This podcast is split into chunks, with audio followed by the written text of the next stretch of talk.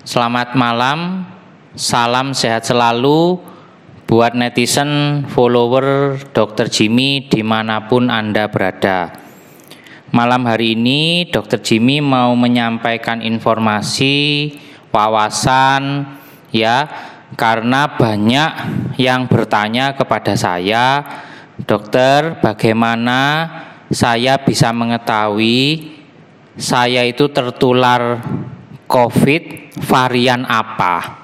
Apakah Omikron, apakah Alpha, Delta, atau yang bagaimana dok? Nah caranya bagaimana? Apakah bisa dilihat dari gejalanya saja atau harus tes bisa kelihatan dok dari swab antigen atau PCR? Bagaimana dokter Jimmy? Nah saya akan menjelaskan. Yang pertama perbedaan antara varian Omikron, Delta, Alpha ya pada COVID-19 tidak bisa hanya dibedakan dari gejalanya saja. Karena semua varian COVID itu gejalanya mirip satu dengan yang lain. Ya. Jadi kalau hanya melihat dari gejala tidak bisa mengetahui itu Omikron atau bukan. Itu yang pertama. Yang kedua, kalau untuk memastikan apakah itu varian Omikron atau Delta atau Alpha, itu harus dilakukan pemeriksaan WGS, whole genome sequencing, ya, pemeriksaan keseluruhan untuk mengurutkan ya materi genetik dari virus COVID urutannya itu apa? Kalau urutannya itu sesuai dengan Omikron, berarti sampel yang diambil itu variannya Omikron. Begitu juga Delta atau Alpha. Ya. WGS whole genome sequencing ini tidak lazim kita gunakan untuk memeriksa semua pasien. Hanya untuk tujuan penelitian atau studi epidemiologi. Karena alat yang terbatas juga biayanya mahal. Nah, Beberapa orang bertanya juga ke saya, dia mengatakan bahwa saya baru saja membeli alat tes swab antigen, Dok. Wah, ini bisa mendeteksi loh, Dok, Omikron atau bukan. Ya, sekali lagi saya tekankan bahwa swab antigen apa pun mereknya tidak bisa membedakan varian COVID, Omikron, Delta atau yang lain. Dia hanya bisa membedakan itu COVID atau bukan. Variannya apa tidak tahu. Ya, kalau positif reaktif garisnya dua itu berarti tertular COVID. Ya, kalau negatif ya berarti bukan COVID. Sudah, cuman itu aja swab antigen. Nah, bagaimana dengan PCR? PCR itu lebih akurat dibandingkan swab antigen.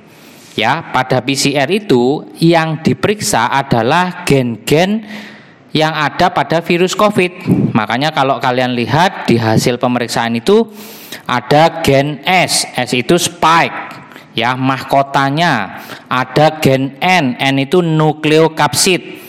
Ada ORF1AB, ya ada envelope E, ada RDRP. Nah, gen-gen itu yang diperiksakan pada PCR. Nah, PCR ini mungkin bisa mendeteksi varian COVID.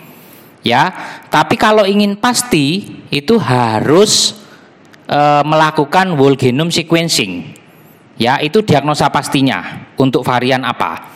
Tapi kalau dengan PCR, PCR ya maaf, PCR itu hanya probable. Ya bahasa Inggrisnya itu probable. Mungkin dia itu kena varian Omikron ya kenapa? Karena pada varian Omikron itu ada SGTF ya SGTF itu skin target failure. Ya pada Omikron itu gen S-nya itu tidak terdeteksi oleh PCR karena dia itu bermutasi. Nah, tapi gen gen yang lain ya tadi ingat ada lima gen spike nukleokapsid ORF1AB envelope dan RDRP itu ada lima ya yang gen S spike itu bermutasi pada omikron ya sehingga tidak terdeteksi oleh PCR Sedangkan gen yang lain empat itu terdeteksi. Nah, makanya dari situ bisa disimpulkan, oh ini probable, mungkin varian Omikron. Ya, jangan sampai Anda tertipu ya dengan eh, jargonnya ya. Ingat semua kecap adalah nomor satu. Jangan sampai anda tertipu ya. PCR itu hanya ada kemungkinan probable mendeteksi varian Omikron ya Oke, sekian penjelasan dari saya. Kesimpulannya yang pertama tetap prokes minimal kalau Anda pakai masker full disiplin.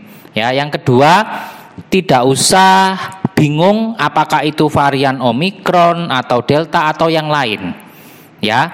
Yang ketiga, kalau positif tertular Covid segera hubungi dokter terdekat.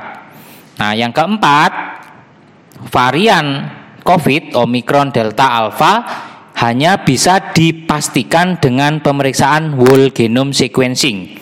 Sedangkan PCR hanya probable, hanya mungkin ya, tidak seakurat WGS. Apalagi swab antigen. Swab antigen itu hanya bisa mendeteksi itu COVID, tapi tidak bisa menentukan variannya. Ya, oke. Ingat, apa pun variannya, obatnya juga sama Ya, pencegahannya juga sama. Pencegahan terbaik adalah jangan sampai COVID itu menginfeksi masuk ke dalam tubuh kita. Pakailah masker. Pakailah masker, pakailah masker dengan benar supaya COVID tidak masuk ke dalam tubuh Anda. Tapi kalau COVID-nya sudah terlanjur masuk dalam tubuh Anda, antibodi, sel memori yang Anda hasilkan akibat dari dulu divaksin itu yang menentukan. Ya, selebihnya kita semua harus berdoa meminta kesembuhan dari yang di atas.